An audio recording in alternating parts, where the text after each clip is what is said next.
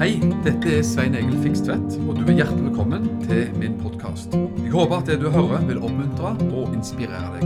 Ønsker du mer informasjon om arbeidet i drivet, så kan du gå til mission-alliance.org. Gud velsigne deg. Det er Kristi himmelfartsdag, og eh, vi skal faktisk ikke snakke så mye om det. Alt henger jo sammen i Guds ord. Men noen får liksom tanker om Kristi himmelfartsdag. fordi Da skal vi bare slå opp og lese bitte litt et par av de skriftstedene som har med det å gjøre. Og Da er vi jo selvfølgelig i Apostelens gjerninger, kapittel 1. Og, og um, Jesus, han, Det står så fantastisk. Det var jo etter oppstandelsen. Hvis vi leser i Apostelens gjerning, kapittel 1, vers 3 Det var jo rett etter oppstandelsen, da, og det er jo det, oppstandelsen har påsken til. Men for, uh, for, dem viste han seg også levende etter, etter sin lidelse med mange, slike, mange sikre bevis. Han ble sett av dem i løpet av 40 dager og talte om de ting som hører Guds rike til. Jeg bare tenker det. Skal du høre min, min, eh, min liksom ønske, da. Tenk å vært på den, den bibelskolen, da. 40 dager. Ikke bare 40 minutter, 40 dager med Jesus. Der han etter sin oppstandelse eh, underviser og preker og prenter inn alt som hører, hører Guds rike til. Egentlig denne Guds rike-undervisningen i Bibelen er jo vanvittig spennende og fantastisk. Jesus prekte masse om Guds rike. Vi er kalt å preke evangeliet om Guds rike. Og, og, evangeliet om Jesus og evangeliet om Guds rike det er to, i hvert fall to sider av samme sak. det er det ingen tvil om. Men det med Guds rike, at vi i dag er plassert i Guds rike, lever i Guds rike, der vi, er, der vi bor, der vi finnes nå på møte, så er vi en del av Guds rike. Så skal vi en gang oven der vet du, få lov til å være i Guds rike om si, i konsentrert format. Fullt ut.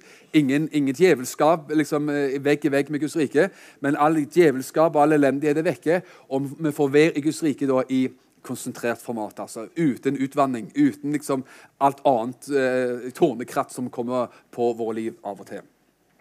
Men vi er i Guds rike nå også. Kolosson 1.3 sier at vi har blitt overført fra mørkets makt til hans elskede sønns rike. Så Jesus han underviste om Guds rike, og så sa han en ting til. eller det var ja, Ikke helt Jesus som sa det, da, men det var to, to, eh, to menn. ikke i hvite klær. To hvitkledde menn. Engler kalles det. Og de sa i kapittel 1 der, i Apostelens gjerninger 1, vers 11 Det er sterke ord. Og de gir oss et fantastisk håp om Jesu gjenkomst. De sa Vi tar vers 10 òg, da. altså Apostelens gjerninger 1, 10. Mens de stirret opp mot himmelen idet han steg opp Tenk på, å Sett Jesus fare opp høyere og høyere opp og løftes opp til himmelen. Når de så opp på den måten, så står det at de så to hvite menn hos dem i hvite klær. De sa, 'Galileiske menn, hvorfor står dere og stirrer opp mot himmelen?'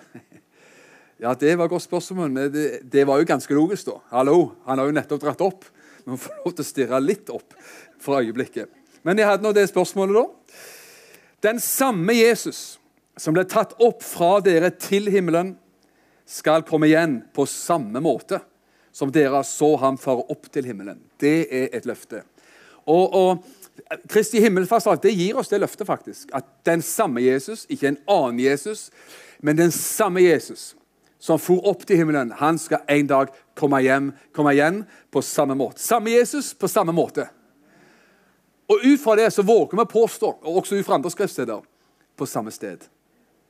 Samme Jesus, på samme måte og på samme sted skal altså denne samme Jesus komme igjen en gang. Det er Kristi himmelfartsdagen og håpet som vi har i forbindelse med Kristi himmelfartsdag. Ok, Da har vi sagt litt om Kristi himmelfartsdag, og det er bra. Men det er egentlig et annet budskap som jeg har lyst til å dele. Så jeg har gleda meg til å dele et enkelt budskap. Uh, og det er skal du få høre først et skriftsted, og så skal vi si tittelen kanskje etterpå. Kolossene 3,15 sier Og la Guds fred råde i hjertene deres. Den ble dere også kalt til i et legeme, og vær takknemlige. Og vær takknemlige. Så jeg har lyst til å snakke i dag litt om å være takknemlig, faktisk. Og skal du høre en historie her, så, så, så, så gi retning for liksom, tittelen, da. Det er noen år siden. Vi bodde i Stavanger, meg og Toril, og Sara og Erik også. Um, og Da var det en, en, en, god venn av oss, som er fremdeles en god venn, selv om vi bor på hver vår kant. Uh, så, så, fortalte det at han hadde vært uh, på en måte vertskap for en nokså kjent predikant. Han hadde hentet ham på flyplassen, kjørt han til hotellet, han skulle tale på en konferanse. Og, og han, eh, kjørt, kjørte han også da fra hotellet til møtet, og fra møtet til hotellet. Så han var liksom hans eh, tjener og assistent og, og liksom vertskap for denne kjente predikanten. Og så fortalte vår venn uh, dette til oss etterpå. Uh, hvordan han opplevde denne predikanten som nokså kravstor. og kanskje han hadde litt sånn keiserlig innstilling til, på seg sjøl. Og da sa vår gode venn, som ikke jeg skal si navnet på, men, men, men han sa bare det et, som en sånn konklusjon etterpå. Så sa han takk er ikke et dumt ord, sa han. Etter han hadde liksom tjent og vært sjåfør for denne predikanten da, i, i helg. Takk er ikke et dumt ord. Og Det er liksom tittelen på talen her i dag. at Takk folkens, det er ikke et dumt ord. Og Det står så mye i Bibelen om å, å, å, å leve et liv i takknemlighet.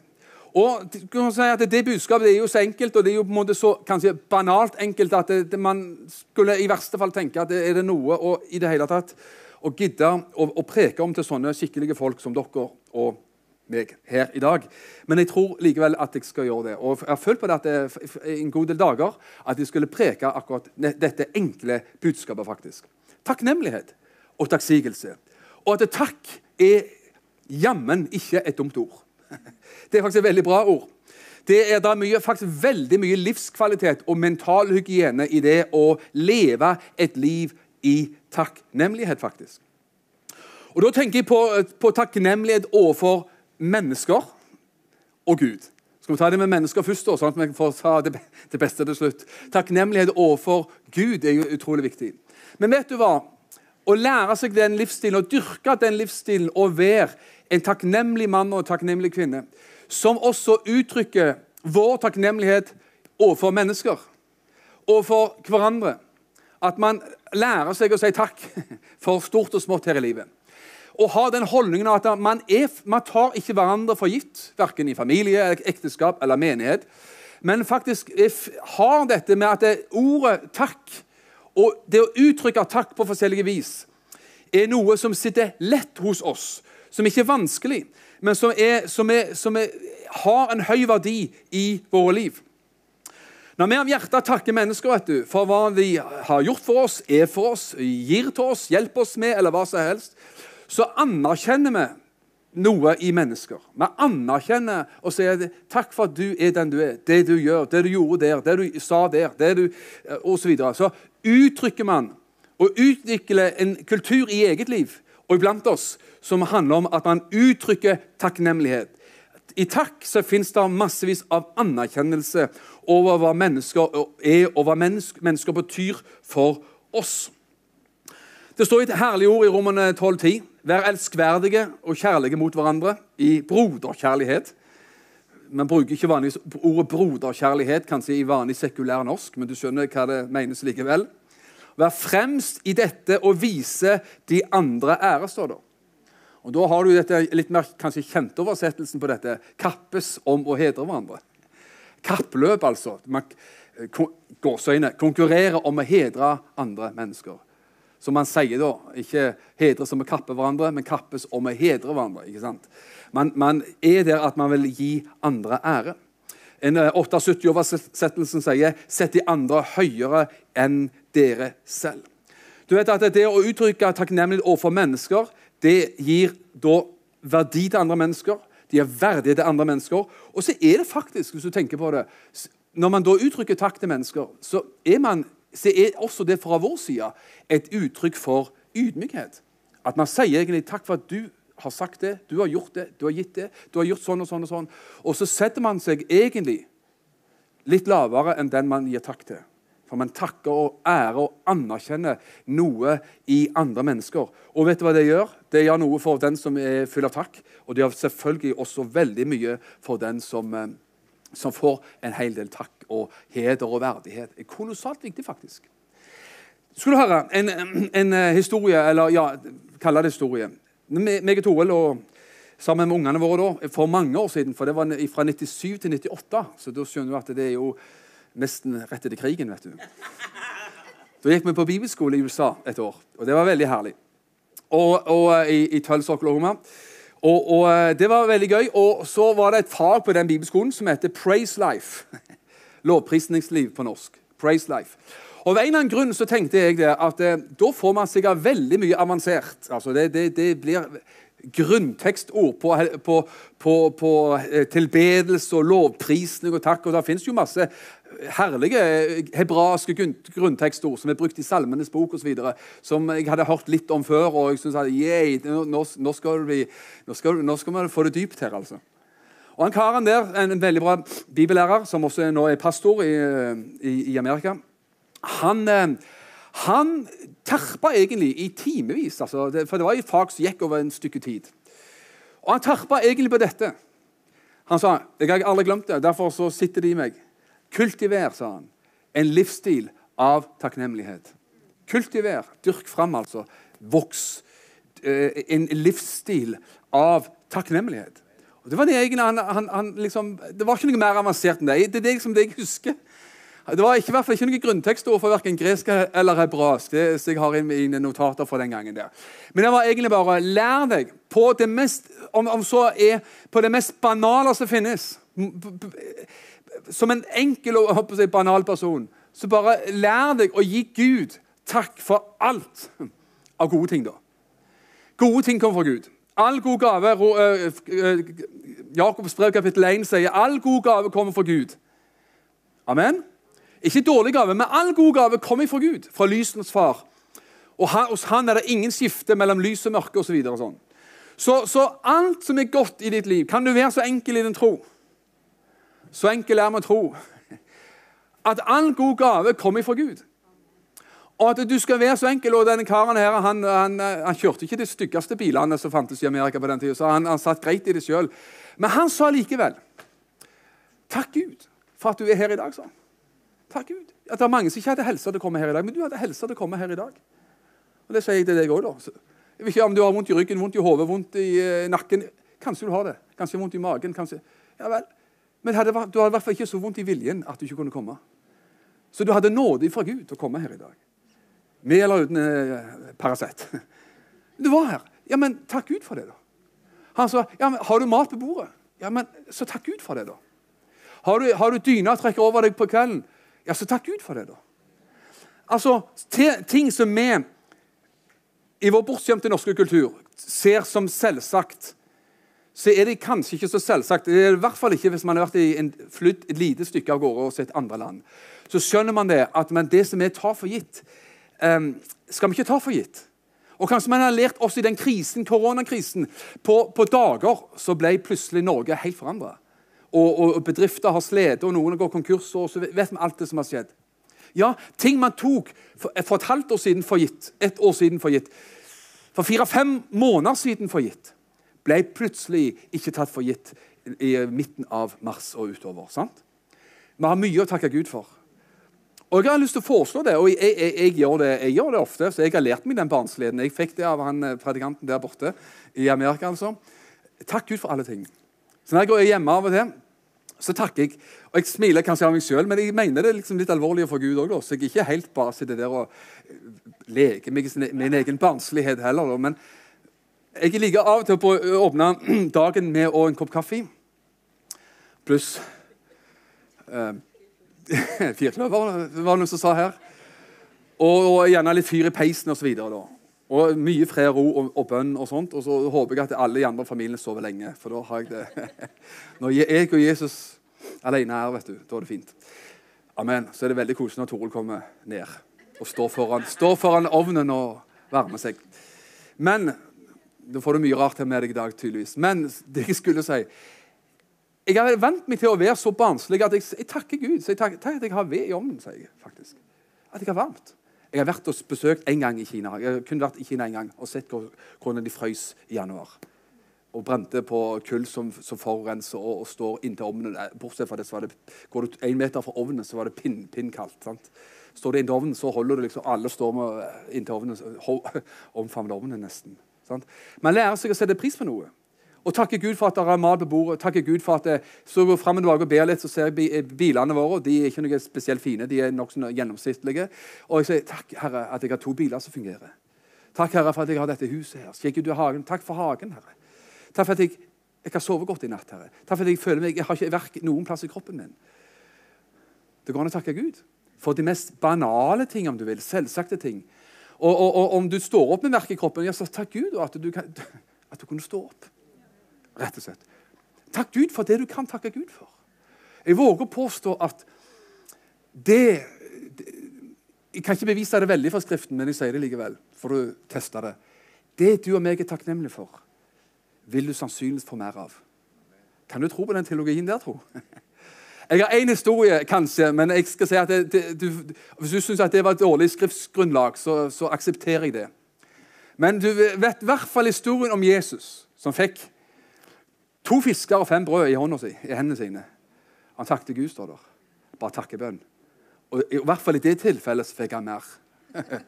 Han fikk i hvert fall mer av det han takket Gud for der og da. Disse fiskene og brødene. Er det sånn at det er det vi er takknemlige for overfor Gud? altså? For den slags skyld for mennesker. Så vi, har vi en sånn takknemlig holdning i våre liv som gjør at man, man er bare takknemlig og, og, og, dyrke fram takknemlig for de enkleste ting i livet. Hør en ting. Hvis jeg spør deg, Hvis du kjenner mennesker som er takknemlige, som bare er preget, de er preget av takknemlighet, så vil du finne en person som er fornøyd. Du vil finne en person som, som, som sannsynligvis er lett å ha med å gjøre. Som ikke er vrang og vanskelig. Som ikke klager. Som også en takknemlig person er etter alt å dømme en attraktiv person. En person som det er kjekt å være sammen med. Hvorfor? Jo, for man er bare fornøyd. Man er takknemlig. Man er fornøyd. Man, man takker for stort og smått her i livet. Og det er herlig å få lov til å prøve å vokse i det at vi kan få lov til å være en sånn person. Skal du høre her jeg, jeg, eh, om det, Hvor mye systematikk det er på det jeg sier nå, det får, det får du velge selv, eller se selv. Men skal du høre, jeg skal lese noen punkter for deg. Som jeg, jeg så på Facebooken til en som heter Randy Clark. Er det noen som har hørt om han? Han er en fantastisk bibellærer og, har pionert veldig mye på helbredelsesområdet. Og, og har en sterk sterk tjeneste. Han har vært i Norge flere ganger. Jeg hørte han to ganger i min kirke. I hvert fall.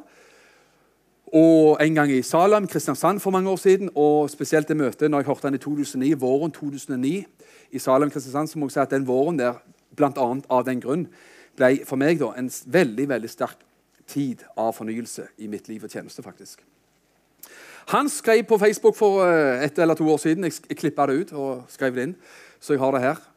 Og han spurte Folk har spurt meg ofte hvordan man får favør med Gud. Favør med Gud? Kanskje det er sånn fremmed uttrykk? Hva, hva, er det? Ja, Det kan sikkert omskrives til å forstås kanskje lettere. Men finne favør, få godvilje fra Gud, velsignelse fra Gud. Eller kanskje vi skal si hvordan man kan lære å vandre intimt og personlig med Gud. For det kan vi. Vi kan lære å vandre med Gud. Og Så nevner han åtte punkter her, og det skal jeg prøve å ta fort, så vi ikke fortaper oss helt sånn i masse punkter. Men det er veldig veldig bra punkter. Han sier Jeg leser det fort, så ikke prøv å skrive det. Du får heller få det på en annen måte. Han sier nummer én tilbe Gud. sier han. Tilbe Gud, Lev et liv i tilbedelse. Nummer to vær kontinuerlig og genuint takknemlig. Du skjønner at Det er jo en av de punktene jeg vil ha fram. da. Vær kontinuerlig og genuint takknemlig. Nummer tre les Bibelen og oppdag hans veier og din, hans vilje for ditt liv. Nummer fire samtalende bønn, kaller han det. Lytt til Gud og snakk til Gud. Samtalende bønn. Ikke bare at du ber og ber og ber, men prøv å lytte til Gud. Sett deg ned av og til i litt stillhet og lytte til Gud. Amen. Nummer fem. Del ditt hjerte med Gud. sier han. Del ditt hjerte med han. Del ditt hjerte med han. Ikke bare levere en handleliste i bønn, men del faktisk ditt hjerte med Gud. Hør en ting. Du kan få lov til å være personlig med Gud. Du vet, Hvis du er personlig og fortrolig med et menneske, så skapes det nærhet og intimitet. Det er det jo sånn mellom mennesker. I vennskap, i relasjoner, Dess mer personlig man er, dess lettere og bedre er jo en relasjon, naturligvis. Ok? Og så eh, Punkt nummer seks. Gjør ting ut av takknemlighet. Og gi med takknemlig og villig hjerte. Har du igjen det, et, et punkt om takknemlighet? Så sier han nummer syv, det er jo Gud hjelpe oss, vær en kjærlig ektemann. Kone, hvis du er da dame. Far og mor. Altså vær en kjærlig mann, eh, eller kjærlig person i familien. da. Og så nummer åtte drøm med ham. Drøm med Gud. Han gleder seg. Han gleder seg over de ting du gjør. Kan du tro at Gud er sånn? At han, du ikke bare gleder deg over det Gud gjør. Gleder, han gleder seg over deg.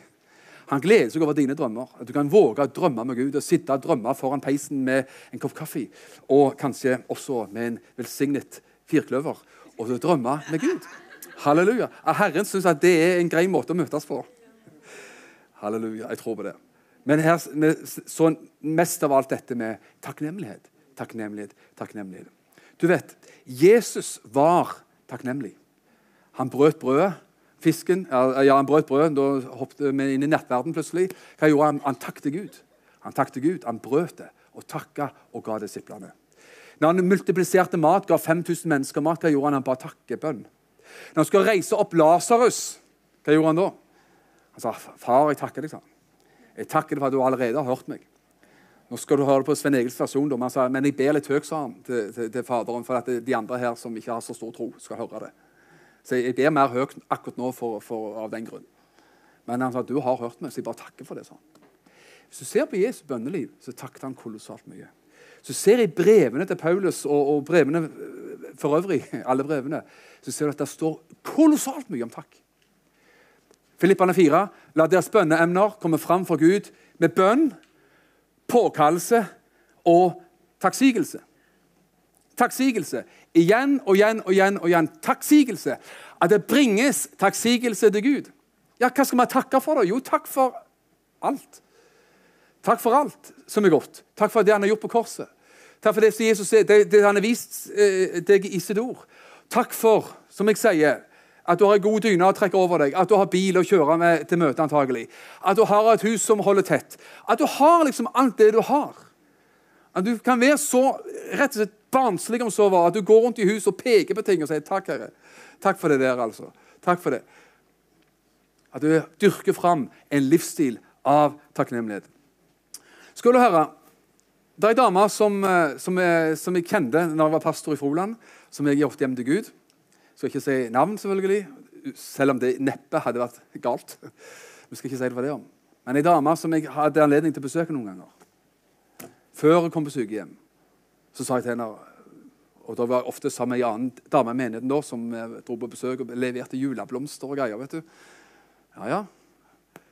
Det var gøy. skal jeg si. Det det var givende å møte mennesker på den måten og få tak i folks historie. Men så spurte jeg ofte hvordan er det med deg. sa jeg. Og så var det et slagord den dama hadde, for så det alltid. Vet du hva Jeg kan ikke bedre ha det. Tenk å bare si det. Jeg kan ikke bedre ha det. Men da har du det bra.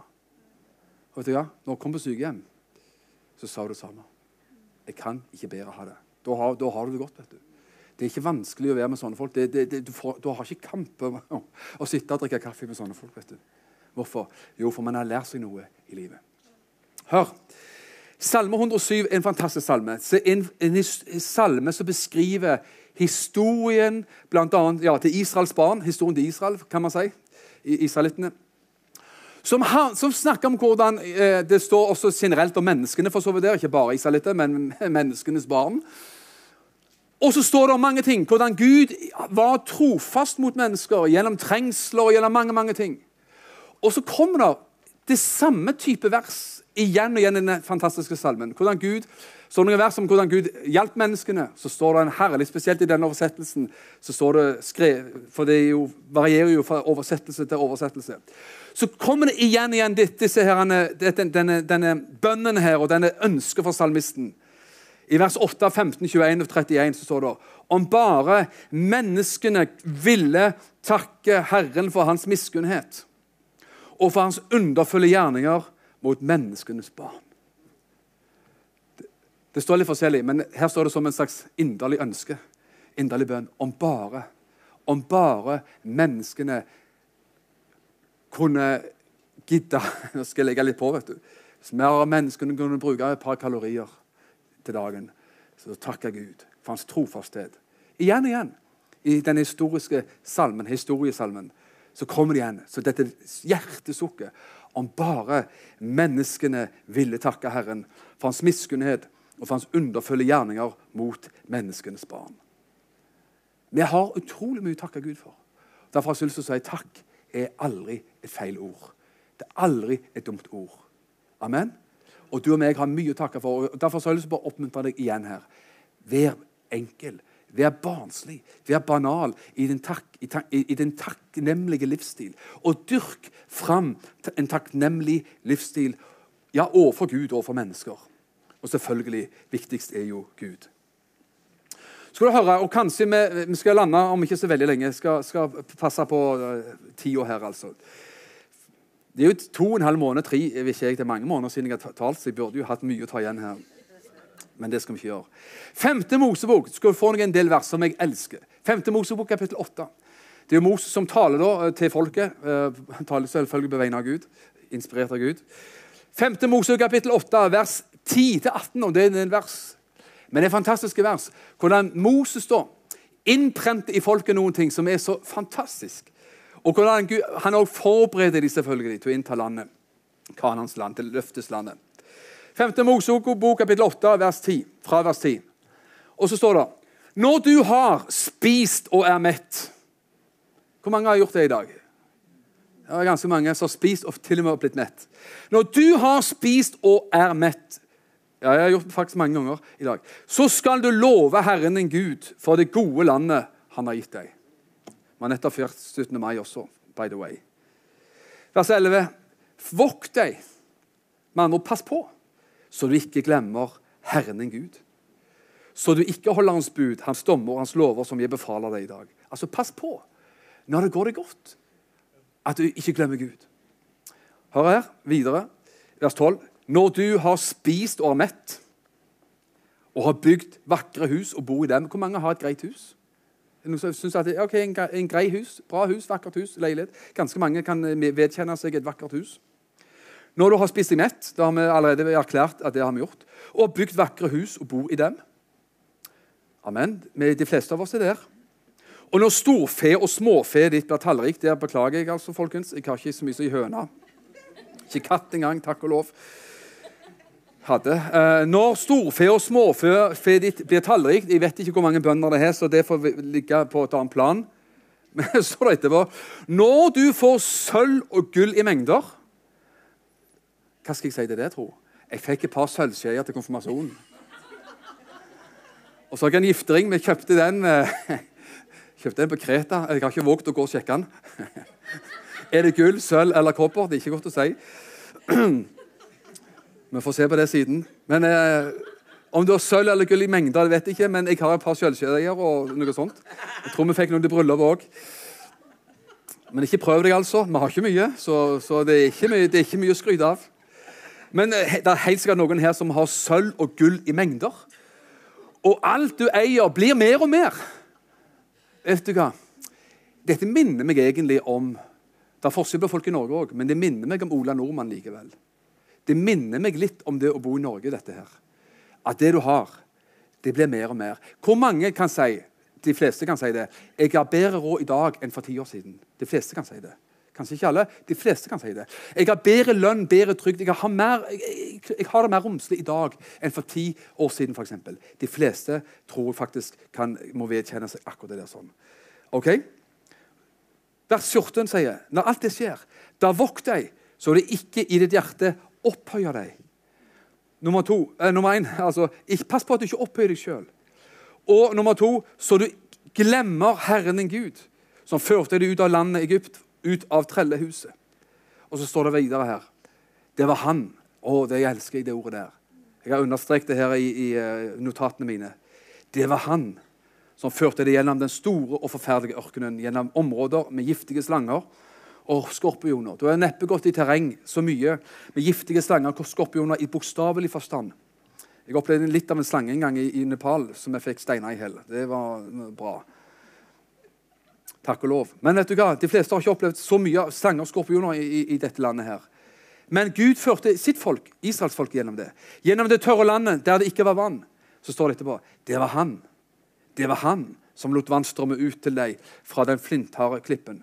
Nummer, eh, vers 16. Det var han som ga deg manna å ete i ørkenen, en mat dine fedre ikke kjente, for han kunne ydmyke deg og sette deg på prøve, så han kunne gjøre godt mot deg til sist. Vers 17. Da må du ikke si i ditt hjerte ved min kraft Og min hånds styrke har jeg skaffet meg denne velstanden. Tenk vi kunne skjønne det. Hvor mange vil ikke si det hvis vi ikke har det perspektivet her? Det er min utdannelse. Ja, det er min eh, kløkt, min smarte, det er mitt forretningstalent. Det er mitt ditt og mitt datt som har fått det opp å gå. Vet du hva Gud sier? Ikke si sånt. Slutt å si sånt. Slutt å tenke sånt. Ja men, ja, men, eh, min hjerne da har jo gjort litt. Min utdannelse har jo gjort litt. Ja, Men hvem har gitt hjernen, da? i det minste? Hvem har gjort hvem ga deg kraft til å få tak i en utdannelse? Hvem ga deg liksom de rette kontaktene for at det skulle gå deg godt i livet? Og så videre? Jo, hva har du som du ikke har fått, sier Bibelen. Det var han. Har du lagt merke til det her? Igjen og igjen som vi har lest akkurat dette. Det var han. Det var han. Det var han. Ikke si at det er meg. Du må ikke si det. Du må ikke tenke det. Men si det var han. Vers 18. Men du skal huske Herren Gud, for det er Han som gir deg kraft til å skaffe deg rikdom, så han kan stadfeste sin pakt, som han sverget for dine fedre, slik det er på denne dag. Vet du hva, folkens? Vi har så enorm grunn til å takke Gud vet du. for alt som vi har i våre liv. Helse. Ja, ja, men du sier, ja, men helse vi si og så. Ja, men da har jeg lyst til å si sånn som bibellæreren som jeg refererer til det. Du hadde nok helse til å komme her i dag. Ja, men jeg skal hatt et større hus. Ja, men du har jo et hus. Ja, vi skulle hatt en litt bedre bil, litt nyere bil. Ja, kanskje det. Jeg kjenner ikke din bil. Men du har i hvert fall en bil. Og du bor i hvert fall i kongeriket Norge. Det er bedre også i koronatida å bo i Norge enn i mange, mange andre land. Kjære venner, vi kan takke Gud under alle forhold. Første Tessalonga-brev, kapittel 5, vers 16 sier Gled dere alltid, og takk Gud under alle forhold. Ikke for alle forhold, men du kan takke Gud under alle forhold. Det er fantastisk. Og vet du hva? Vi har så mange grunner til å takke Gud, men om du ikke hadde noen annen grunn enn én grunn, så var det godt nok for det. For salig er det mennesket som Herren ikke tilregner synd og skyld. Amen. Gled deg ikke over at åndene er deg lydig, sa Jesus, men gled deg over at ditt navn er innskrevet i livets bok. Så skjønner, hvis du, hvis du ikke har særlig mye annet her i livet enn at navnet er innskrevet i livets bok, at du er frelst og fått nåde for tilgivelse fra Gud, så har vi bare ved det massevis og all god grunn som finnes til å takke Gud for alle ting her i livet. Prise Gud. Vi kan bringe takksigelse til Gud. Hva gjør takksigelse? Hva, hva gjør det? Så det anerkjenner Gud. Det forløser så mange ting i vårt liv. Er tro og tilbedelse og alt mulig. Vi kan snakke ofte om musikkstil. Det, det, det, kan man liksom ha meninger om. Men du, tilbedelse det er en holdning i hjertet. Takksigelse, lovprisning, det er en hjertes tilstand som gjør at vi alltid og under alle forhold kan få lov til å ære og prise Gud. Hva gjør takksigelse? Ja, lovprisning, ja, tilbedelse i våre liv. Det styrker troen din. Det styrker vår tro. Abraham han ble ikke svak i troen. Romerne 4. Han venta og venta og atter venta på Isak, som eh, hadde, han hadde hørt fra Gud skulle komme. Han ble ikke svak i troen. Når han så og skjønte omstendighetene. Men han ga Gud, ble sterk i troen i det han ga Gud ære. Amen. Han ble sterk i troen når han ga Gud ære. Og vet du hva? Det gir også takksigelse, lovprisning, forløse under i ditt og mitt liv. Amen. Paulus og Silas, du kjenner jo den herlige historien. De hadde drevet en demon av en slavedame. Slavejente. Ei lita jente, faktisk. Det forteller ganske mye, det òg. Men, men denne jenta ble utfridd fra demoner. Spådom. Og ved det så kunne hun ikke spå lenger. Det har masse å lære bare ved det. vet du. Hvor, hvor, hvor, tydelige sånne ting er. da. Men eh, hva skjedde? Jo, de fikk satt eh, Paulus og Silas i fengsel. Piska de og greier. Hva står det? Ved midnatt. Ved midnatt så sang Paulus og Silas lovsanger til Gud. ved midnatt betyr antagelig i teksten som sådan at det var ved midnatt. Det var på natta. Det var sart ute. Men vet du hva? det kan også være midnatt av og til i ditt mitt liv. vet du. Det kan være midnatt rent omstendighetsmessig. At du føler at nå er jeg midt på natta i livet mitt i forhold til mange ting som har skjedd, og kriser og det ene og det andre. Ja vel. Tror du at du og meg kan løfte røst også til Gud når det er midnatt i våre liv? at Gud fortjener vår lovsang og takk. At Gud gjerne vil ha vår lovsang og takk. Og at vi har også da en veldig god grunn til å bringe vår takksigelse som et offer til Gud. Ja, jeg tror faktisk det. At vi da kan vi gjøre det. Det er en predikant som sikkert også mange har hørt, og som øh, Bill Johnson har fortalt det. Han, når han selv som er sterk, veldig sterk helbredelse og sånne ting, måtte følge sin egen far til grava litt for tidlig. Døde av kreft. Over 70 år, men øh, de håpet han skulle bli mye eldre enn det. Så sa han det når de våket over han og han sovna inn, så kvitterte han og familien med å lovprise Gud. Takke Gud. Han tenkte i himmelen så skal, så skal, ikke, skal alle lovprise Gud. For på tross av dårlige omstendigheter. For der er det ingen dårlige omstendigheter. Det er jo alle lekt, og alt, alt er fryd og gammen. Så det å bringe takksigelsesoffer og lovprisning som et offer, som noe som er nesten litt naturstridig, at det midt i en sånn sak, noe man har bedt for og kjempa for og fasta for, ikke ble helbreda likevel, da koster det kanskje noe mer å gi en tilbedelse og takk og lovprisning til Gud. Men det er den type lovprisningsoffer kan man kun gi på denne siden av evigheten. For på den andre siden av evigheten i himmelen da gir vi lovprisningsoffer. Da, da, omstendighetene, da går omstendighetene vår vei, kan man si det sånn. Alt er greit der oppe. Det er grader av gull, så du, du, mangler ikke akkurat noe. Men her så kan vi gi lovprisningsoffer som av og til kan oppleves naturstridig fordi man gir lovprisning og takk til Gud. Også når man føler at omstendighetene talte sitt fullstendig motsatte språk. Amen. Takk er ikke et dumt ord. Kultiver en livsstil av takksigelse. Amen. Det er faktisk en enorm velsignelse i våre liv. Som gir styrke, som gir kraft og hjelp i omstendighetene, og som gjør, eh, som gjør rett og slett bare godt. bare godt. Ikke som bare som en sånn overflateteknikk. Nå, nå har vi lært en ny teknikk i kveld for en slags overlevelsesteknikk. Nei, du får gå andre steder for å lære overlevelsesteknikker. Men du har lært noe mer enn det, noe viktigere enn det. For det er ikke overflatisk overlevelsesteknikk, men det er et velsigna liv med Gud. Takk for at du har lytta til denne podkasten. Jeg ønsker deg en velsigna god dag.